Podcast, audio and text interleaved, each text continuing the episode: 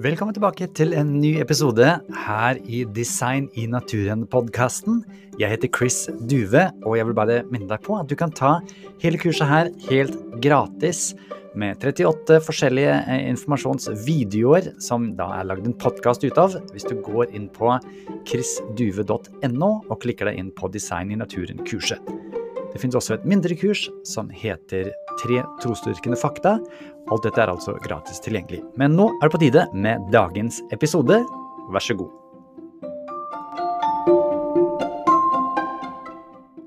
Hei, det er Chris her, og i denne undervisningsvideoen skal det handle om Darwin var rasist og mannssjåvinist. Var han eh, sexist?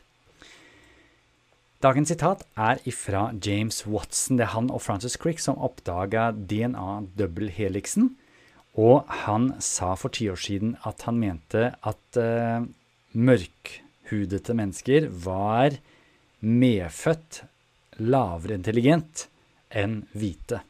Så ble han spurt igjen uh, på PBS uh, om han fortsatt tenkte sånn, og om han hadde endra seg. Nei, sa han, det hadde han ikke. Uh, there's a difference on average between blacks and whites on IQ tests. I would say the difference is it's genetic. Så det er genetisk betinget at uh, mennesker med mørk hud er dummere enn mennesker med hvit hud, sier denne mannen. Uh, han har blitt så outa av uh, forskjellige sirkler at han endte opp med å selge sin nobelprismedalje for å få penger for det. Han tror jeg er den eneste som noen gang har gjort det. Men hvor kommer dette fra? Genetic det betyr at det har noe med utviklingen å gjøre. La oss se på saken.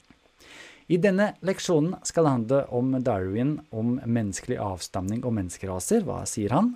Det er en fyr som heter Ernst Heckel, som er veldig viktig, spesielt i Tyskland, når det gjelder Darwins ideer. Skolebøkenes presentasjoner om saken og kvinnesyn ifølge evolusjon. Nå er det få darwinister, eh, kanskje spesielt i Norge, som er rasister, som er mannssjåvinister osv. Det forstår jeg, men samtidig så er det noen historiske røtter her, og det er det vi ønsker å se på. Boken til Darwin heter jo 'Artenes opprinnelse', eller 'De best skikkede formers bevarelse i striden for livet'. På engelsk da 'The preservation of favored races'. Nå gjør ikke det med en gang at man blir rasist, for vi har jo hunderaser, og det er ingen som på en måte skjemmes av det. Men hvordan er det når det gjelder mennesker? Det skal vi finne ut av. Darwin skriver i boken 'Menneskets avstamning' at fisk ble til pattedyr til halvapene. Apene delte seg i to store stammer, den gamle og den nye verdens aper, og av disse frembraktes så langt tilbake mennesket. Så mennesket kommer fra apene, og Hekkel han sier det samme. Han var da i Jena i Tyskland, var professor og ble veldig opptatt av Darwin. Han var flink kunstner. Han lagde dette Livets tre, og her er det Hekkels 'Evolution of Man'. Har du aper, apemenn, og ut fra de kommer sjimpanse, gorilla, orang-utan, gibbon og også menneske, som da troner på toppen. Denne viser han også i et annet bilde som han har tegna, som blir brukt i skolevesenet, eh, hvor du sier 'The Evolution of Man'. Og da ser du fra øverste venstre er det alger, og nederst til høyre er det da en eh, ja, mann fra Afrika eller eh, kanskje Australia som har blitt til av disse endringene i apene. Også i telles 8 så ser vi den samme rekka felles stamfar for mennesker og menneskeaper.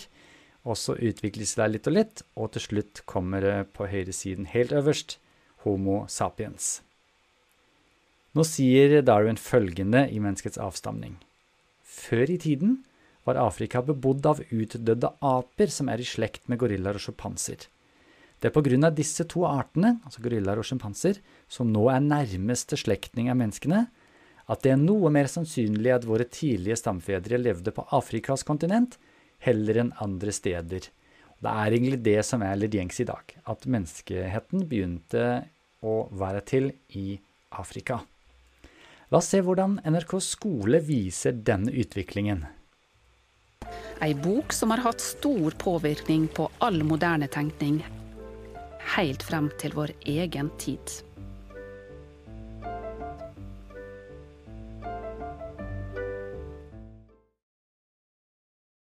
Darwin ble gjort narr av når han kom etter med apene, for det var helt nytt. Derfor skrev han da hele den boken. Hekkel tok dette helt inn, og det blei populært. Og da blei det disse tegningene og dette kjente fenomenet som vi har, hvor en ape krumbøyd reiser seg opp, sånn som Marte forklarer i en av innledningene.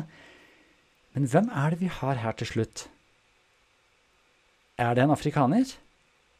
Nei, det er tydelig det er en europeer.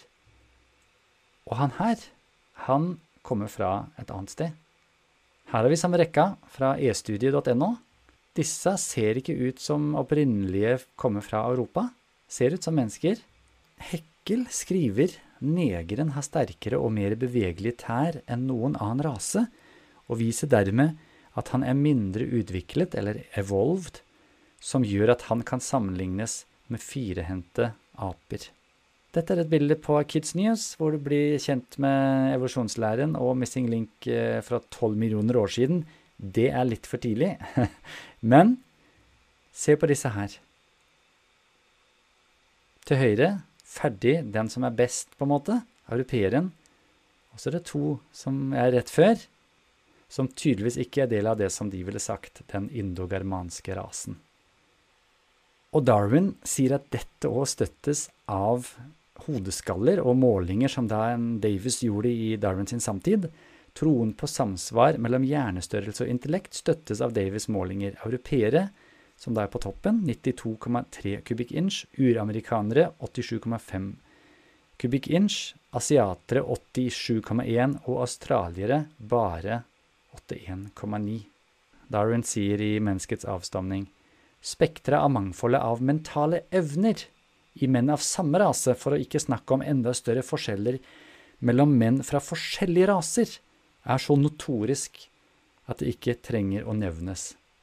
Så jo mer villmann, savage, rasen er, jo dummere, og jo mer europeisk, eh, kaukasisk, jo smartere. Ernst han skriver i sin bok 'Naturlig skapelseshistorie', som han egentlig kaller 'naturlig evolusjonshistorie', og sier at det er en bedre tittel i de første sidene.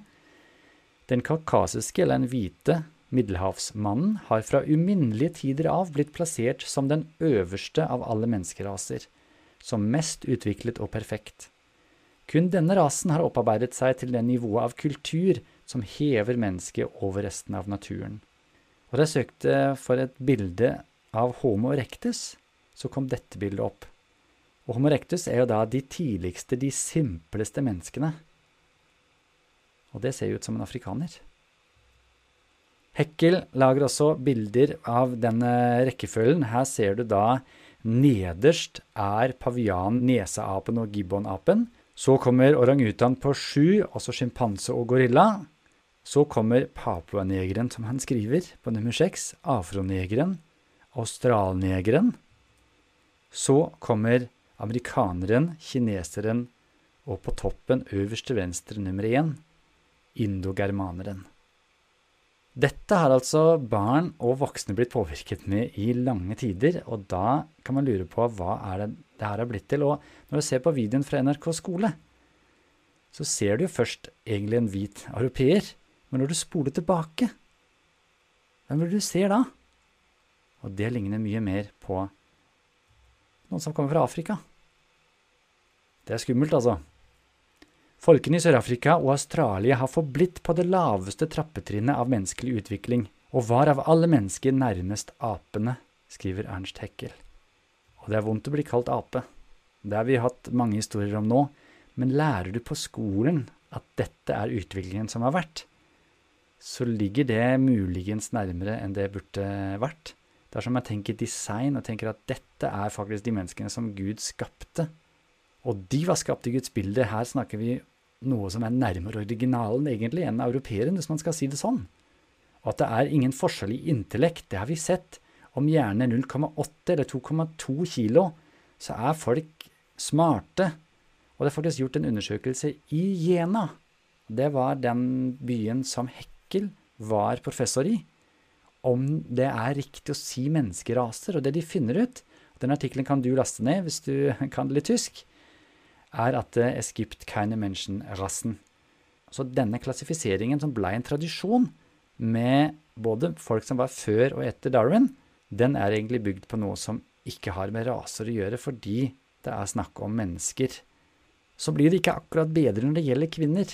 Eh, Darwin skriver hans eller mannens hjerne er absolutt større, kvinnens hodeskalle er halvveis mellom barnet og mannen. Så skriver han videre. For å kunne unngå fiender eller angripe de med suksess, for å fange ville dyr, lage og finne opp våpen, trengtes høyere mentale anlegg, observasjon, logikk osv. Disse måtte prøves over tid, og ble utvalgt blant menn. Derfor ble mannen til slutt den som overgår kvinner, eller er da superior, som Darwin skriver. Og Her enda et sitat fra 'Menneskets avstamning', som faktisk aldri ble oversatt til norsk. Eh, men det ble gitt ut en utgave ganske nylig som har en krass innledning hvor disse tingene tas opp. Mer om den seinere. Darwin skriver menn kan opparbeide seg en høyere standard enn kvinner i alt han tar opp. Om det er djup tanke, logikk, forestillingsevne eller bare bruken av sine sanser og hender. Dette er Darwins utgangspunkt. Nå er det sånn at i praksis så var det jo samtaler med kvinner. Han hjalp en god del kvinner i sin utdannelse som eh, vitenskapsdamer. Eh, Henrietta, dattera hans, hjalp ham med å faktisk lese korrektur på menneskets avstamning. Så, så, i praksis så levde han ikke helt ut sin teori, men evolusjonsteorien må jo si dette her. Siden menn kan opparbeide seg denne høyere standarden, blir de sterkere, ikke sant? Da betyr det også at de er smartere. Det har vi ingen belegg for, men det er en sluttrekning som Darwin kommer med. Psykologisk.no skriver om hvor biologisk ulike er kvinner og menn. Se månedens video. Og her får vi grunnlaget i hva evolusjon er for noe. Let me tell you, evolution only cares about reproduction. It doesn't give a damn about anything else. It only cares how reproductive you are. I, I, don't want to take you through, and that's why when you get old, evolution says, bye bye, Dolly Gray, you've reproduced, I don't give a damn about you anymore. Det er litt noe annet enn designtanken sier, men det må gå sin gang. Og der regner man med de resultatene av de raseforskjellene og forskjellen mellom kvinnen og menn sin intellekt. Og dette hersker fortsatt i dag. Her er det en artikkel fra 2018 som har bevist at det fortsatt er forutinntatthet mot damer og jenter i forhold til intellektuelle ferdigheter. Scientific American har en artikkel hvor John Horgan skriver Darwin was sexist, and so are many modern scientists. Og I artikkelen leser vi fra en Google-engineer, James eh, Demmer. Og han skriver at i Google så er det jo færre damer fordi menn mer går for det, og de har sterkere interesser osv., osv. Og så skriver han These alleged male-female differences are exactly what we would predict from an evolutionary psychology perspective. Det er nøyaktig det vi hadde forventa fra et evolusjonspsykologisk perspektiv. Men også den forutinntetten i forhold til eh, hvit og mørk hud når det gjelder vitenskap er der i dag. Nå er det noen som sier at ja, men dette er jo ikke bra. Han eh, burde ikke få lov til å si sånt. Men de som er afroamerikanere, som er midt oppi det her, de sier It's not an old story of an old guy with old views. To me it feels very current. For det som er fakta, er at det er bare 1,5% av afroamerikanere i biomedical research som får slike grants osv. Det er jo bare en brøkdel og mye av det har å gjøre med resultatene, og det skal vi snakke om mer i neste leksjon. Hva skjedde etter Darwins teori blei allmennkunnskap? Og da er det selvfølgelig viktig å tenke må er bli til bør. Altså det Darwin sa må jo ikke bli anvendt på onde måter. Men vi kan fastslå at det historisk sett blei anvendt. Vi skal fokusere i neste episode på en dokumentar som heter Human Zoos her hører vi om en veldig trist historie fra en gutt som het Ota Benga, som ble tatt med fra Afrika til USA og låst inn i et bur med sjimpanser.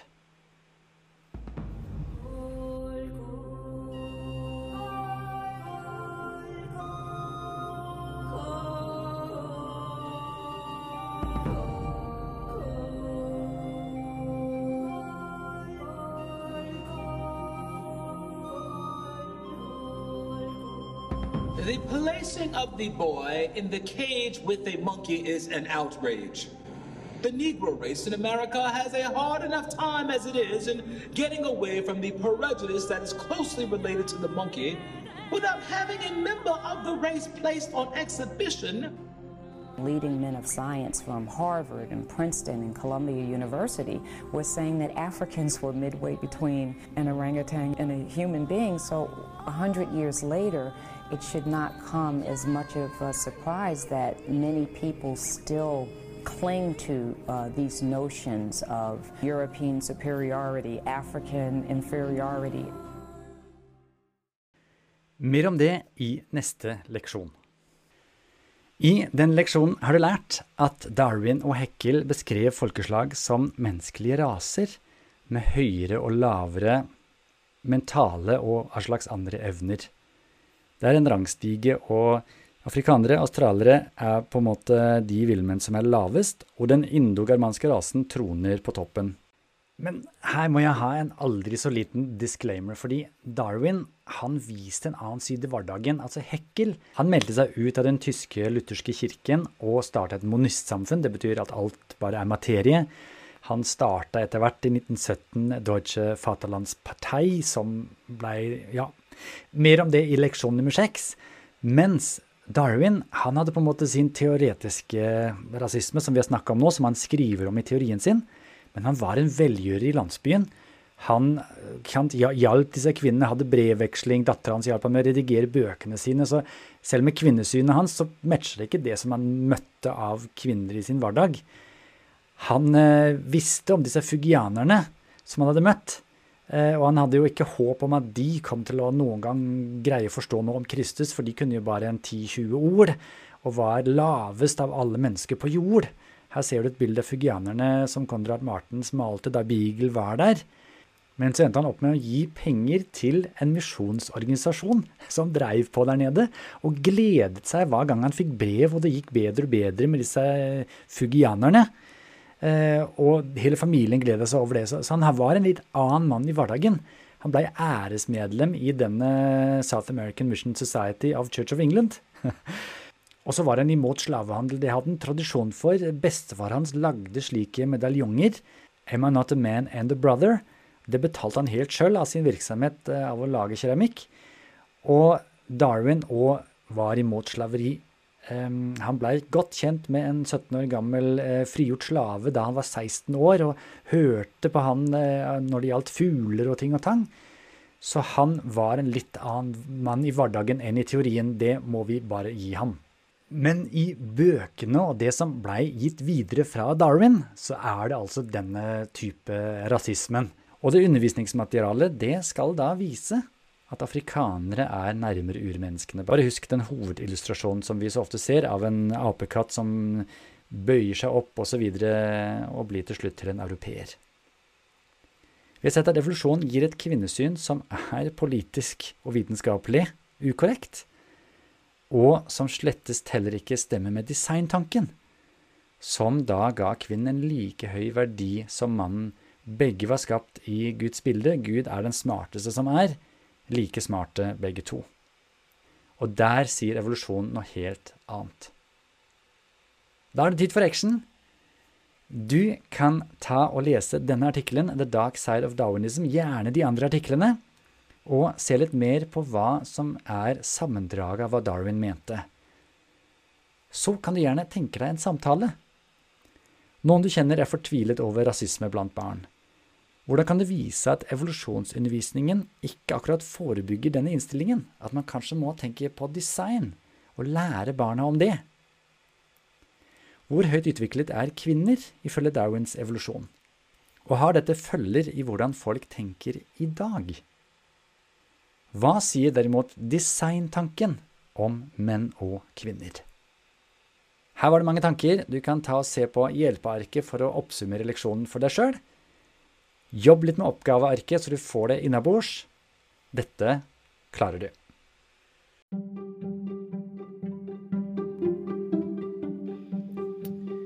Igjen, dersom du ønsker å få tilgang til de hjelpearkene eller oppgavearkene, så er det jo fullt mulig for deg å signe opp til kurset Da går det an å laste det ned. Hvis du går inn på chrisduve.no, så ser du all informasjonen der.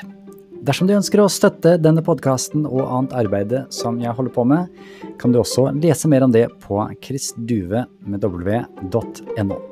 Takk for nå.